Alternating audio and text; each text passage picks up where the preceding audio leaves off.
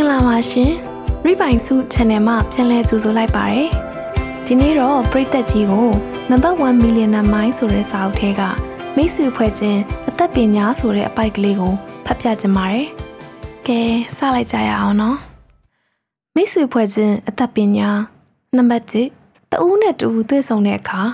လူကိုမြင်မြင်ချင်းမင်္ဂလာပါလို့စတင်နှုတ်ခွန်းဆက်ရမယ်နမဲချက်ချင်းရေးမှတ်ထားရမယ် သူ့မိသားစုအကြောင်းကအရင်စတင်ပြောပါအဖေအမေဦးလေးအတော်အကိုအမဦးစွာတည်အောင်စုံစမ်းပါဥပမာမင်းဖေကျမ်းမာရေးကောင်းသွားပြီလားအမေရောနေကောင်းရဲ့လားမင်းအိမ်အောင်ကြပြီဆိုအဆင်ပြေရဲ့လားစသဖြင့်တဖတ်သားမေးစီလိုတဲ့မိကုံးများကိုဥစွာမေးတတ်ရမယ်တဖတ်သားကိုအားကြပါအားပေးပါချီးမွမ်းပါစာနာပေးပါ စကားပြောတဲ့အခါသူ့ရဲ့နာမည်ခဏခဏခေါ်ပြီးပြောပါဥပမာ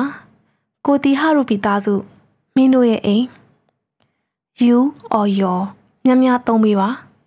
နံပါတ်1တစ်ဖက်လူရဲ့အလုပ်ကိုင်ကိုသိအောင်လုပ်ပါလက်ရှိလုပ်နေတဲ့လုပ်ငန်းနဲ့လုပ်ငန်းခွဲများမိဘဆွေမျိုးတွေရဲ့လုပ်ငန်းများစသဖြင့်စကားပြောတဲ့အခါရွရွချက်ချင်းသူပင်မဲ့ရှာလက်ချင်းမတူ ယနေ့ကျွန်ုပ်တို့ကဘာကြီးမှာအထူးဆန်းဆုံးလူနှစ်ယောက်ရှိတယ်ပထမလူကတော့လူမှုဆက်ဆံရေးပညာကိုပို့ချတဲ့လူသားပဲဖြစ်တယ်။ဘာကြောင့်လဲဆိုတော့လူအများတွင်တွင်ကြဲကြဲသုံးနေတဲ့မထူးဆန်းတဲ့ပညာရက်ကိုအထူးတလဲတင် जा ပို့ချပေးနေတဲ့အတွက်ပို့ချတဲ့အချက်လက်တွေကလည်းသူလည်းသိကိုယ်လည်းသိ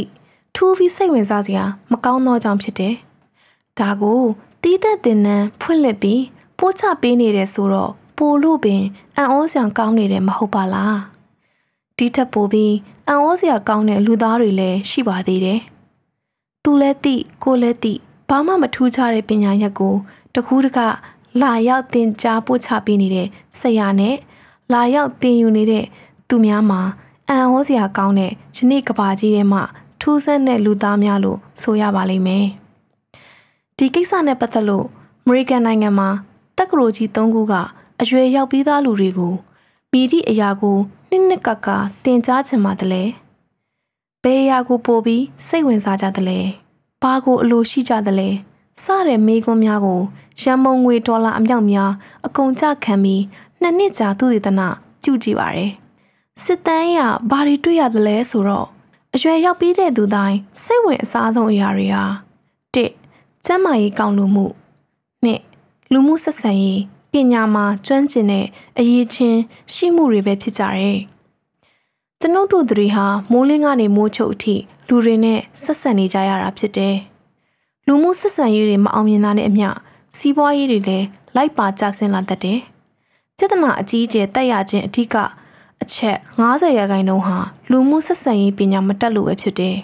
။ပစ္စည်းဥစ္စာရှိခြင်းပညာတတ်ခြင်းထက်လူရည်တန့်ခြင်းစကားပြောကောင်းခြင်း လူမှုဆက်ဆံရေးကောင်းခြင်းကပိုပြီးခရီးရောက်ကြောင်းထင်ရှားစွာတွေ့ရပါလိမ့်မယ်။လူမှုဆက်ဆံရေးပညာကျွမ်းကျင်သူတွေဟာပတ်ဝန်းကျင်လူသားတွေရဲ့အလိုဆန္ဒကိုသိရှိနိုင်ပြီးလူတွေကိုမိမိဖက်ပါလာအောင်ဆွဲဆောင်နိုင်တဲ့တတိထူတွေရှိကြတယ်။တနည်းအားဖြင့်တန်လိုက်တဲ့အားကောင်းသူများလို့ဆိုရပါလိမ့်မယ်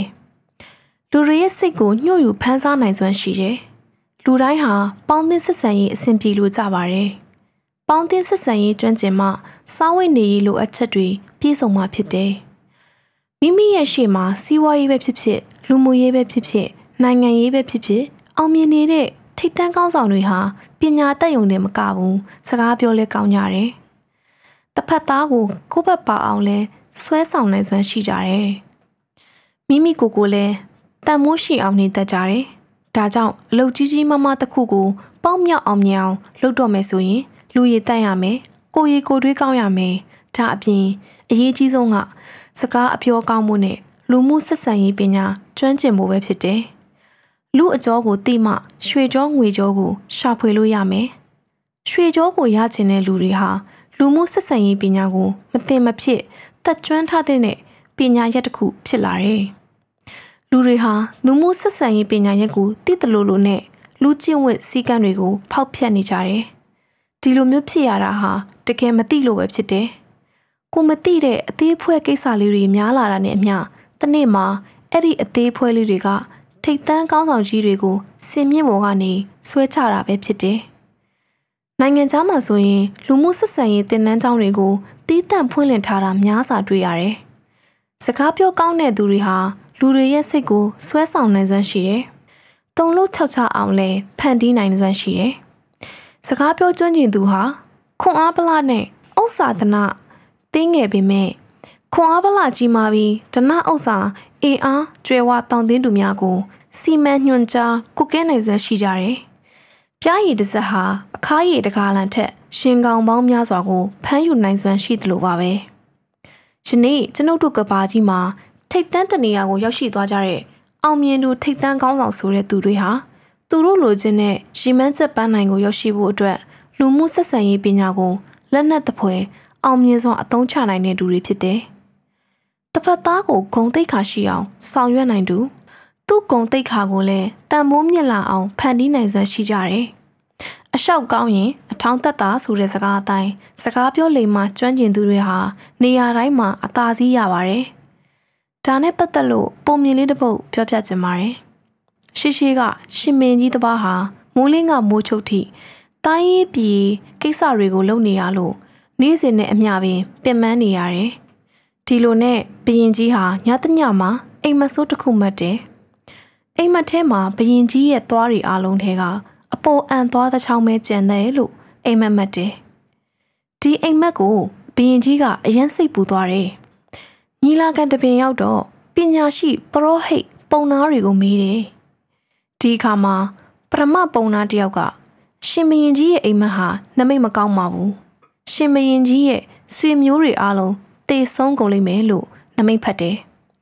ဒုတိယပုံနာကိုထပ်မေးတယ်ဒုတိယပုံနာကဘလို့နမိတ်ဖတ်တယ်လဲဆိုတော့အရှင်မင်းကြီးရဲ့အိမ်မက်ဟာအရှင်မင်းကြီးအတွက်အလွန်ကောင်းပါတယ်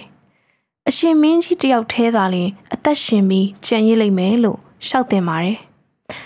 ပုံနှနှစ်ဦးရဲ့နမိတ်စကားကိုဘယင်ကြီးကြားသိရတဲ့အခါမှာယခုလိုမိန့်တော်မူလိုက်ပါတယ်။ဘရင်ရဲ့ဆွေမျိုးအားလုံးတည်ဆုံးလိမ့်မယ်လို့နမိတ်ဖတ်တဲ့ပုံနာကိုချိန်တန်90ရိုက်စီလို့အမိန့်ချလိုက်တယ်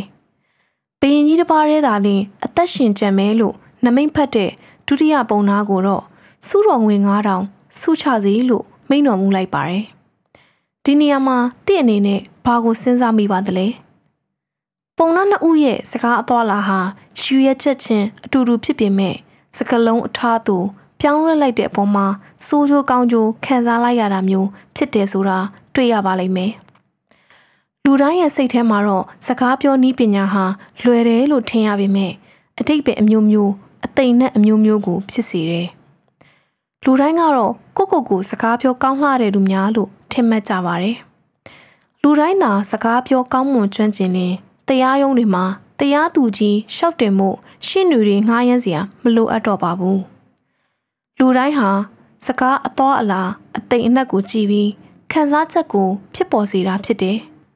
။ဆိုးတယ်လို့ခံစားမိရင်အဆိုးကိုဖြစ်စေပြီးနောက်တစ်ယောက်ကတော့အဲ့ဒီအဆိုးကိုပဲပျော်ရွှင်စရာအဖြစ်ပြောင်းလဲခံစားလိုက်မယ်ဆိုရင်စိတ်ပျော်ရွှင်စရာဟာတာအဖြစ်ကိုရောက်သွားပါလိမ့်မယ်။ဒီအကြောင်းအရာကိုထင်ဟပ်စေတဲ့ဥပမာလေးတစ်ခုကို ထပ်တင်ပြပါမယ်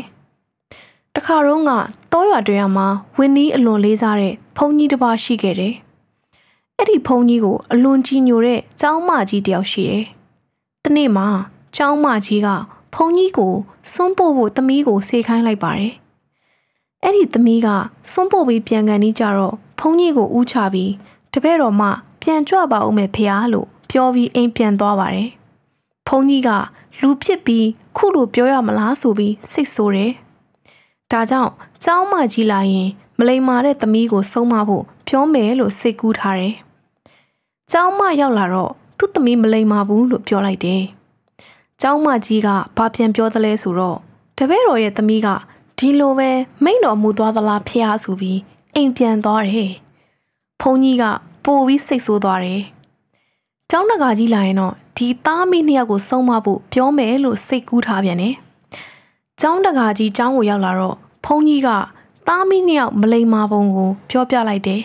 ။ကျောင်းတကာကြီးကလည်းအိမ်ကသားမီးနှစ်ယောက်ကိုအယမ်းစိတ်ဆိုးသွားတယ်။ဒီလိုဝင်းနီးလေးစားတဲ့ဖုန်ကြီးကိုမယုံမသိပြောရကောင်းလားဆိုပြီးစိတ်ဆိုးဆိုးနဲ့အခုလိုဖုန်ကြီးကိုရှောက်တဲ့အရှင်ဘုရားဒီလိုမလိမ္မာတဲ့သားမီးနှစ်ယောက်ကိုကျောင်းဝိုင်းနဲ့တောင် ခြေတော်ရာမချမိစေနဲ့ဖျားဆိုပြီးအိမ်ပြန်သွားတော့တယ်။ကဲဘယ်နဲ့လုံးမလဲ။ဖုန်ကြီးကဝင်းနီးလေးစားလို့စိတ်ဆိုးတယ်လို့ခံစားရပေမဲ့စာရှုသူကရောဘလို့ခံစားရသလဲ။ဒါလဲစကားပြောခြင်းအသက်ပညာပဲမဟုတ်လား။ဒါကြောင့်နေရာတိုင်းမှာစကားပြောနည်းပညာလူမှုဆက်ဆံရေးနည်းပညာဟာအလွန်အရေးကြီးတယ်ဆိုတာကိုသင်ပြလိုက်တာပဲဖြစ်တယ်။အကောင်းမြင်စိတ် လူတိုင်းဟာကိုကိုကိုအကောင်းမြင်တယ်လို့ပတ်ဝန်းကျင်ကိုလည်းအကောင်းမြင်စိတ်ရှိရမယ်။ကိုယ်စိတ်တက်ကိုလည်းအမြဲတမ်းမြင့်တင်နေရမယ်။လူတယောက်ကိုအညွန့်တုံးတဲ့လူအတုံးမကြဘူး။ကိုကိုကိုလည်းငါကအလကားကောင်ပါငါစိတ်ကိုလူတကာလွှမ်းမိုးနိုင်တယ်။ဘာပဲဖြစ်ဖြစ်ငါဟာအောက်ကျနောက်ကျလူစားမျိုးဖြစ်တယ်လို့နေ့စဉ်နေ့တိုင်းတွေးမိပြောမိနေမဲဆိုရင်မင်းရဲ့ဘဝဟာတုံညအောက်ကိုယူဇနာတရားလောက် ထပ်ပြီးဆင်းသွားရလိမ့်မယ်။ဒါကြောင့်ကိုကိုကိုအပြစ်မတင်ရဘူး။ကိုကိုကိုချီးမွမ်းရမယ်။ကိုလုံးနိုင်တဲ့အရေးချင်းတွေကိုညစဉ်ညတိုင်းချီးမွမ်းရမယ်။အချောက်တိုက်ဘုံမြင့်တဲ့စိတ်မဟုတ်ဘူး။လူနေခြုံကြစိတ်နေဘုံပြားဆိုတဲ့စိတ်ကိုမွေးခိုင်းတာပဲဖြစ်တယ်။လူတိုင်းမှာစိတ်လက်ကျင့်ငန်းလုပ်ဖို့အလွန်အရေးကြီးပါတယ်။ဂျပန်နိုင်ငံမှာအရန်ချမ်းသာတဲ့တထေးမကြီးတယောက်ရှိတယ်။ သူဟာအထက်80တိုက်ကြီးရဲ့အပေါ်ဆုံးအမြင့်ဆုံးအထက်မှာနေပါတယ်။မနက်စောစောဆိုရင်အိမ်ရှိဝရဏမှာထွက်ပြီးရှုခင်းတွေကိုကြည့်ပါတယ်။ပဝင်းကျင်တစ်ခုလုံးမှာသူ့ထက်နှိမ့်တဲ့တိုက်တွေနဲ့ဆင်းရဲတဲ့ရက်ွက်တွေကိုလှမ်းမြင်နေရတယ်။သူဟာအိမ်စုပ်တဲစုပ်လေးတွေကိုကြည့်ပြီး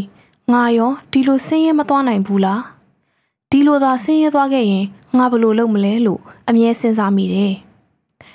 ညနေမိုးချုပ်လို့အိတ်ခန့်ဒီအချိန်ရောက်ပြီဆိုရင်လဲလားတာဆောင်မှထွက်ပြီးအိမ်စုပ်သဲစုပ်တွေကိုကြည့်မိပြန်တယ်ကြည့်မိတိုင်းလဲသူတို့လိုဆင်းရဲသွားရင်ဆိုတဲ့အတွေးကိုမကြာခဏတွေးမိတယ်ငါးနှစ်လောက်ကြာတဲ့အခါမှာတော့သူအမြဲတွေးထားတဲ့အတိုင်းကမ္ဘာစီးပွားရေးပြက်ကတ်ကြောင့်သူပိုင်ဆိုင်သမျှဘဏ်တွေစီးပွားရေးတွေအားလုံးဒီဝါလီခံရတဲ့အခြေအနေဖြစ်သွားတယ်။ဒါကြောင့်သူဟာအထက်80တိုက်မြင့်ကြီးပေါ်ကနေသူနေ့စဉ်မြင်နေတွေ့နေရတဲ့ လူစင်းရဲတွေနေတဲ့ရက်ကွက်ထဲကတဲဆုပ်ဖို့ကိုရှောက်သွားတယ်။တဲဆုပ်ထဲရောက်သွားပြန်တော့လမ်းမေးမှာနေကြတဲ့အိုးမဲ့အိမ်မဲ့ကလေးတွေကိုမြင်မြန်တယ်။ငါလဲသူတို့လေးတွေလိုပြန်ဖြစ်သွားမလားလို့အမြဲတွေးနေမိပြန်တယ်။သူဟာဒီလိုဆက်ပြီးတွေးနေစဉ်းစားနေမယ်ဆိုရင်အိုးမဲ့အိမ်မဲ့ဘဝကိုထပ်ပြီးရောက်သွားနိုင်တယ်။သူမဟာအဲ့ဒီသဲလေးထဲမှာနေလာတာနှစ်နှစ်ခန့်ကြာလာတော့ သူ့ကိုငငယ်ကစာတင်ပေးခဲ့ဘူးတဲ့ဆရာမကြီးတယောက်ကသူမစီရောက်လာပြီးသူမရဲ့အခြေအနေကိုမေးမြန်းကြည့်တယ်။ဆရာကြီးကသူပြောရမြတွေကိုနားထောင်ပြီးအခုလိုပြန်ပြောလိုက်ပါတယ်။မင်းခုလိုဆင်းရဲသွားတဲ့အကြောင်းအရာဟာကမ္ဘာစီးပွားရေးကျက်သေးလို့မဟုတ်ဘူး။မင်းရဲ့စိတ်မင်းရဲ့အတွေးကပဲမင်းကိုအောက်ကိုဆွဲချလိုက်တာပဲဖြစ်တယ်။ငါပြောတာမယုံမရှိနဲ့ဒီနေ့ကစပြီးမင်းတင်ခဲ့တဲ့အထက်80တိုက်ကြီးပေါ်ကို မနက်တိုင်းညတိုင်းကြည်ပါစိတ်ထဲကနေလဲငါဒီတိုက်ပေါ်ကို ပြန်ရောက်ရမယ်လို့တွေးပြီးယုံကြည်ပါလို့မှားခဲ့ပါတယ်။သူမဟာသူမစီယာမှားထားတဲ့အတိုင်းနေ့စဉ်ညစဉ်ကြည်ပြီးစိတ်ထဲကငါရောက်ရမယ်လို့တွေးရကနောက်ဆုံးတော့တကယ်ပဲအထက်80တိုက်ကြီးပေါ်ကိုပြန်ရောက်သွားတယ်။ရောက်ရှိသွားရတဲ့အကြောင်းကတော့ကမ္ဘာစီးပွားရေးပြက်ကတ်ကြောင့်စီးပွားရေးဒဏ်ရိုက်ခံရတဲ့ကုမ္ပဏီတွေဘဏ်တွေကိုသူ့နိုင်ငံအစိုးရက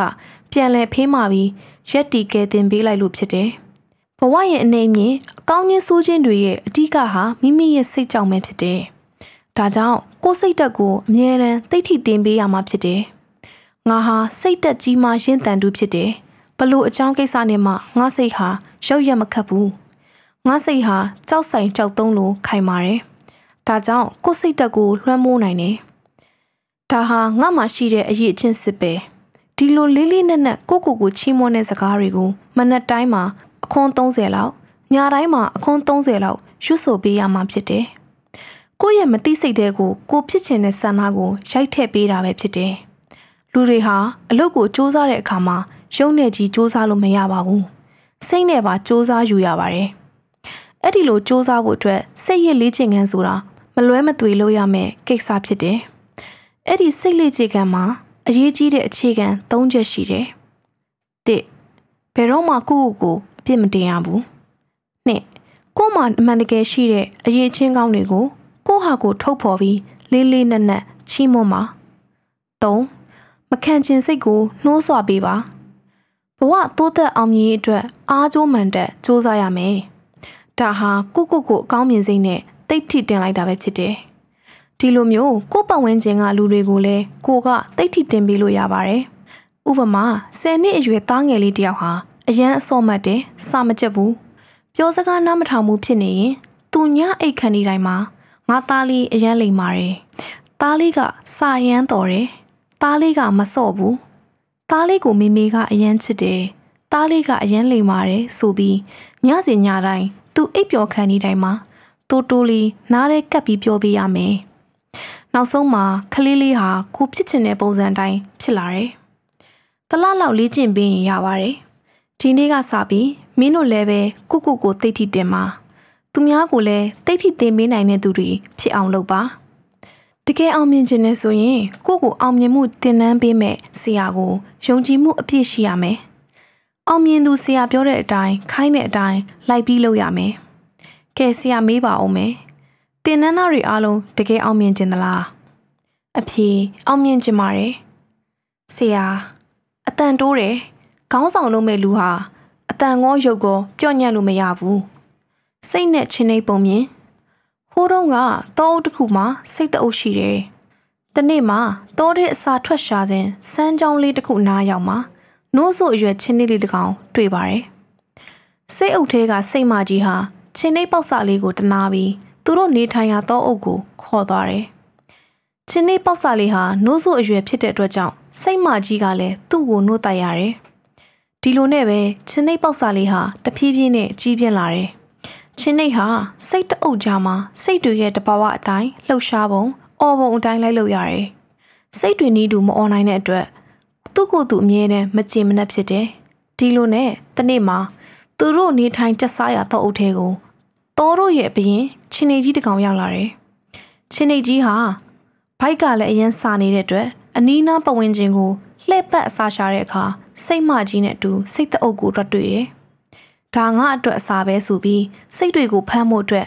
တောအုပ်နာကိုဖြည်းဖြည်းချင်းကတ်သွားတယ်။ချင်းနေကြီးဟာစိတ်တွေကိုခုံအုပ်ဖို့ပြင်ဆင်လိုက်တဲ့အချိန်မှာ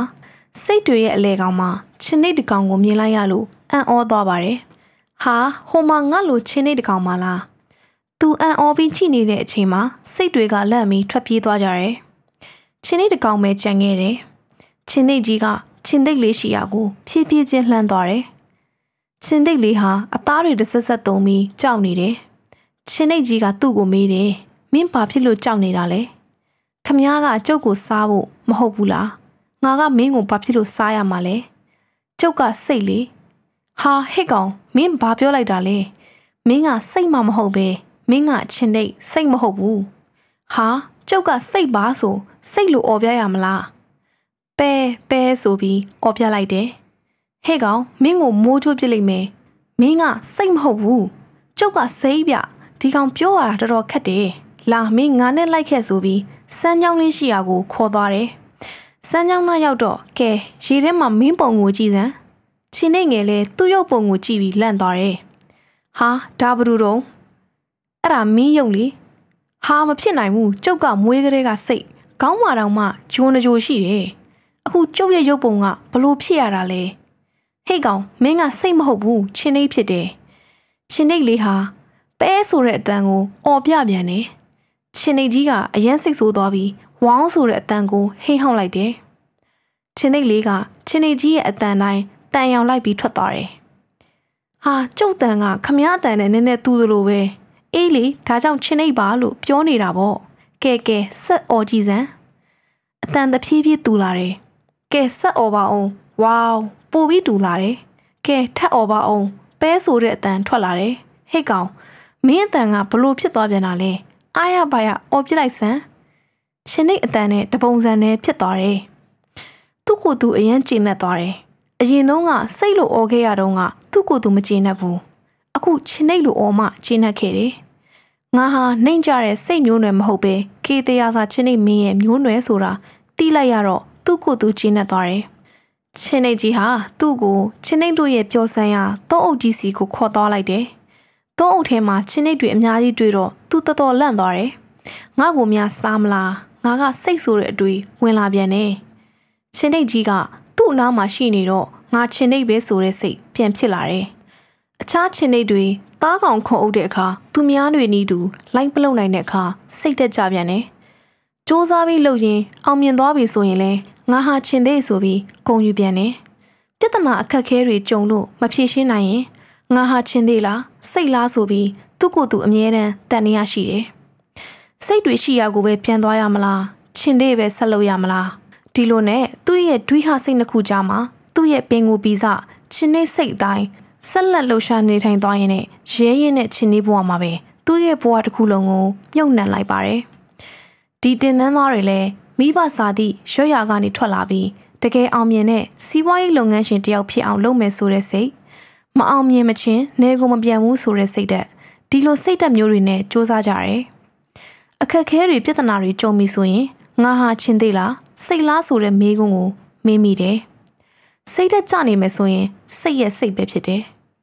မဖြစ်မနေစ조사မယ်ဆိုတဲ့စိတ်သက်ကတော့ချင်းသေးစိတ်ပဲဒါဆိုရင်ဒီတင်နန်းသားတွေကိုမေးခွန်းတစ်ခုထပ်မိမယ်တကယ်အောင်မြင်ခြင်းသလားအဖြေအောင်မြင်ခြင်းနဲ့တကယ်အောင်မြင်ခြင်းနဲ့ဆိုရင် yes or no တစ်ခုဖြေပါ yes ဟုတ်တယ်ဆရာကဒီလိုအတန်မျိုးကိုကြားကျင်တာမင်းတို့အားလုံးရဲ့မျက်လုံးတွေဟာတိမ်ငက်တကောင်ရဲ့မျက်လုံးလိုတကယ်ရဲရင်တောက်ပါပြီ ချင်တဲ့တွေဖြစ်ကြတယ်ဆိုတာလဲဆရာလုံးဝအကျွင့်မဲ့ယုံကြည်သွားပါပြီကဲအခုကစပြီးတင်နန်းစပေးတော့မယ်ငါဘာလဲဆိုတာမေးလိုက်ပါယာဒူးအာနာစီးစိမ်အသက်တွေကအစမေးပြောက်ပစ်လိုက်တော့အိမ်မှာတော့လူတွေအားလုံးဟာခြင်သေးပါပဲအပြင်မှာခြင်သေးလို့သွားနေလို့မရဘူးအပြင်မှာခြင်သေးလို့သွားနေရင်သားကောင်တွေအကုန်လုံးထွက်ပြေးကုန်မယ်အိမ်မှာတော့ခြင်သေးအပြင်မှာဆိုရင် သားကောင်လိုနေရမယ်ဒါမှအခုဖမ်းကျင်တဲ့သားကောင်ကိုဖမ်းလို့ရမယ်ငါကဘာဆိုတဲ့ကန့်သက်တွေအကုန်လုံးကိုဖြုတ်ချလိုက်ပါကိုပါလဲဆိုတာမမေ့နိုင်ရင် မာနခံနေရင်အသက်ပညာတင်ယူဖို့မလွယ်ဘူးတင်ပေးတဲ့လူတွေလည်းအဆင်မပြေပါဘူးဘရုစ်လီနဲ့ဆူမိုနဘန်သမားကြီးဂျပန်နိုင်ငံမှာကရာတီကွန်ဖူနဘန်ပညာမှာအလွန်တော်တဲ့ဆူမိုနဘန်သမားကြီးတယောက်ရှိတယ်ဂျပန်နိုင်ငံတနိုင်ငံထဲမှာရှိတဲ့ လူငယ်တွေနဲ့မကဘူးကဘာအရရက်မှာရှိတဲ့ခေတ်လူငယ်တွေအများပြားဂျပန်ကိုသွားပြီးကရာတီကွန်ဖူနပန်းပညာများကိုတွားရောက်သင်ယူကြတယ်။စုမိုနပန်းသမားကြီးရဲ့ဂုံသတင်းဟာကမ္ဘာအရရက်မှာပိုပြီးထင်ရှားလာတယ်။နာမည်ကြီးလာတယ်။ဒီအချိန်မှာတရုတ်ပြည်မှာလည်း Bruce Lee ပေါ်ပေါက်လာတယ်။ Bruce Lee ရဲ့ဂုံသတင်းဟာလည်းပဲအရန်ပဲထင်ရှားကြော်ကြတဲ့အတွက်ကြောင့်ဂျပန်မှာရှိတဲ့လူငယ်တွေနဲ့ကမ္ဘာအရရက်မှာရှိတဲ့ခေတ်လူငယ်တွေဟာ တရုတ်ပြည်မှာသွားပြီး Bruce Lee ထံကရာတေးနဲ့ကွန်ဖူးပညာများတင်ယူကြတယ်။ဂျပန်လူငယ်တွေကလည်း Bruce Lee ထံကပြန်လာပြီးဂျပန်နိုင်ငံပြန်ရောက်လာတဲ့အခါမှာ Bruce Lee တော်တဲ့အကြောင်းပြောကြပါဗျ။စမွန်နမန်နမကြီးကလည်း Bruce Lee ရဲ့ကောင်းတဲ့တွေကြားရနားထောင်ရတာများလာတော့မနာလို့ဖြစ်လာတယ်။ဒါကြောင့်ငါကိုယ်တိုင်သွားပြီး Bruce Lee ဆိုတဲ့ကောင်ကိုဘလောက်တော်တယ်လဲဆိုတာသွားလေ့လာမယ်ဆိုပြီးတရုတ်ပြည်ကိုထွက်လာခဲ့တယ်။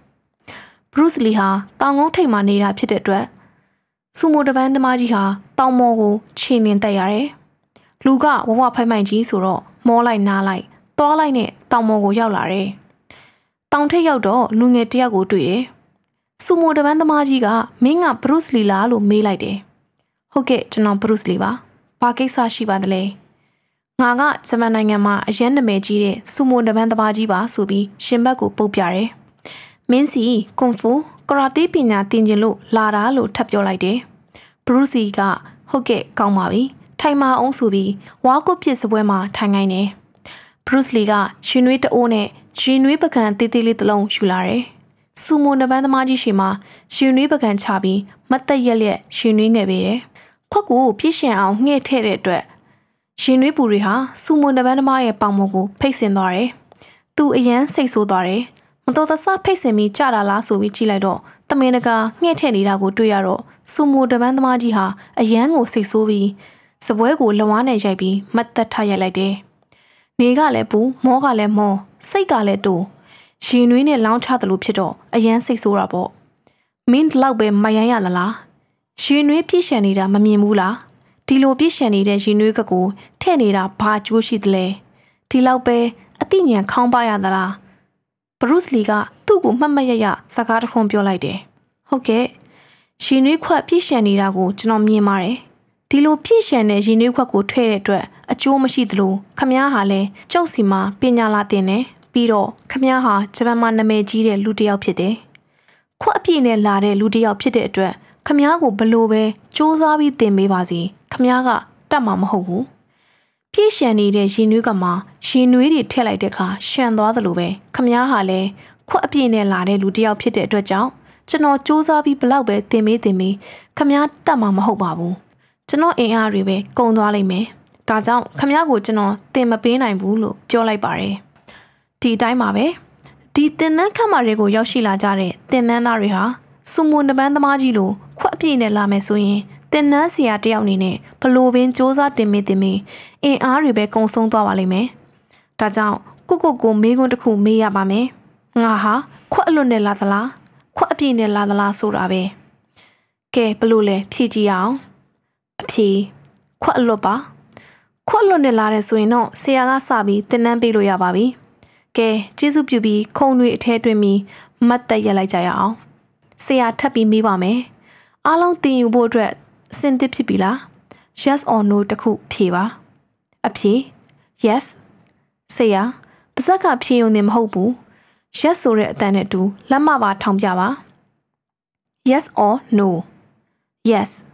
Okay ဟုတ်ပါပြီ။ကဲတင်နန်းစပေးတော့မယ်။မတ်တက်ရက်တဲ့ပုံစံစပြောပါမယ်။ခါးကိုဖြောင်းနေအောင်ရက်မယ်။ခြေမနှောက်နှစ်ခုကို V ပုံစံထားမယ်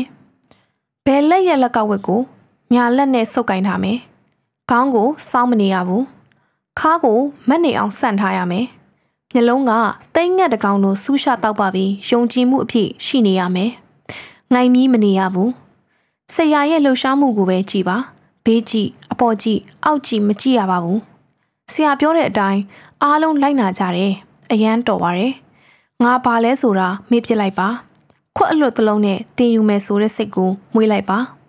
အားလုံးမျက်စိမိတ်လိုက်ပါ ထွက်လေဝင်လေ၁၀ချိန်လောက်ရှူလိုက်ပါမျက်စိကို လုံးဝမဖွင့်ပါဘူးထွက်လေဝင်လေရှူတာကိုရှက်လိုက်မယ်တပ်ပြင်းတစ်ချက်ချလိုက်ပါဆရာမေးတာကိုမျက်စိမှိတ်ပြီးဖြေပါဆရာငါးနှစ်သားကလေးနဲ့အသက်40 50အရွယ်တွေနဲ့ဘသူကဖြူစင်တယ်လဲအဖြေငားနဲ့သားကလေးစိတ်ရဖြူစင်တဲ့ကလေးရဲ့စိတ်ထားနဲ့မဖြူစင်တဲ့လူကြီးရဲ့စိတ်ထားဘယ်ဟာကြိုက်တယ်လဲ အဖြေဖြူစင်တဲ့ကလေးရဲ့စိတ်ထားကိုကြိုက်တယ်ဆရာဟုတ်ပြီဒါဆိုရင်ဆရာကဒီခန်းမထဲမှာရောက်ရှိလာကြတဲ့တင်နန်းသားတွေအလုံးကိုဖြူစင်တဲ့ငါးနှစ်သားကလေးတွေအဖြစ်တတ်မှတ်လိုက်မယ်ဆိုရင်ဆရာတဘောတူသလားမတူဘူးလားအဖြေတဘောတူပါတယ်ဆရာကဲတဘောတူတယ်ဆိုရင်မင်းတို့ရဲ့အသက်တွေအားလုံးကိုဖြူစင်တဲ့ငါးနှစ်သားအရွယ်ကလေးလေးအဖြစ်သတ်မှတ်လိုက်ပါပြီ မျက်စိမဖွင့်ပါနဲ့မလှုပ်ပါနဲ့စိတ်ထဲကနေငါကငါးနှစ်သားငါကငါးနှစ်သားဆိုပြီးဆယ်ချိန်ရွတ်လိုက်ပါအရန်ကောင်းပါတယ်မျက်စိဖွင့်လို့ရပါပြီကဲငါးနှစ်သားဆိုတဲ့သားသမီးတွေလက်ညှိုးထောင်မယ်။ Okay တယောက်ကိုတယောက်လှိုက်လဲတဲ့လက်ခုပ်တန်းနဲ့အတိမတ်ပြုလိုက်ကြရအောင်။တင် जा ပို့ချတဲ့ဆရာကိုကြတော့မမလို့တဘောထားမယ်။ဗါတဲ့လေအဖြေမမ ဟုတ်ကဲ့ဒီနေ့အတွက်တော့ဒီနေရာလေးမှာပဲရှင်းသားထားလိုက်ပြစေနော်။နောက်နေ့စီစဉ်လေးမှာပြန်လည်ဆုံတွေ့ကြရအောင်။နောက်ရက်တွေမှာတင်တဲ့အကြောင်းအရာအသစ်သစ်လေးတွေကိုအချိန်နဲ့တပြေးညီသိရှိနိုင်မှုအတွက် Free by Suit Channel လေးကို Like and Subscribe လေးလုပ်ပေးကြပါဦးနော်။ခုလိုနာတော်သားဆင်မိကြတဲ့ပရိသတ်ကြီးကိုအထူးပင်ကျေးဇူးတင်ရှိပါရရှင်။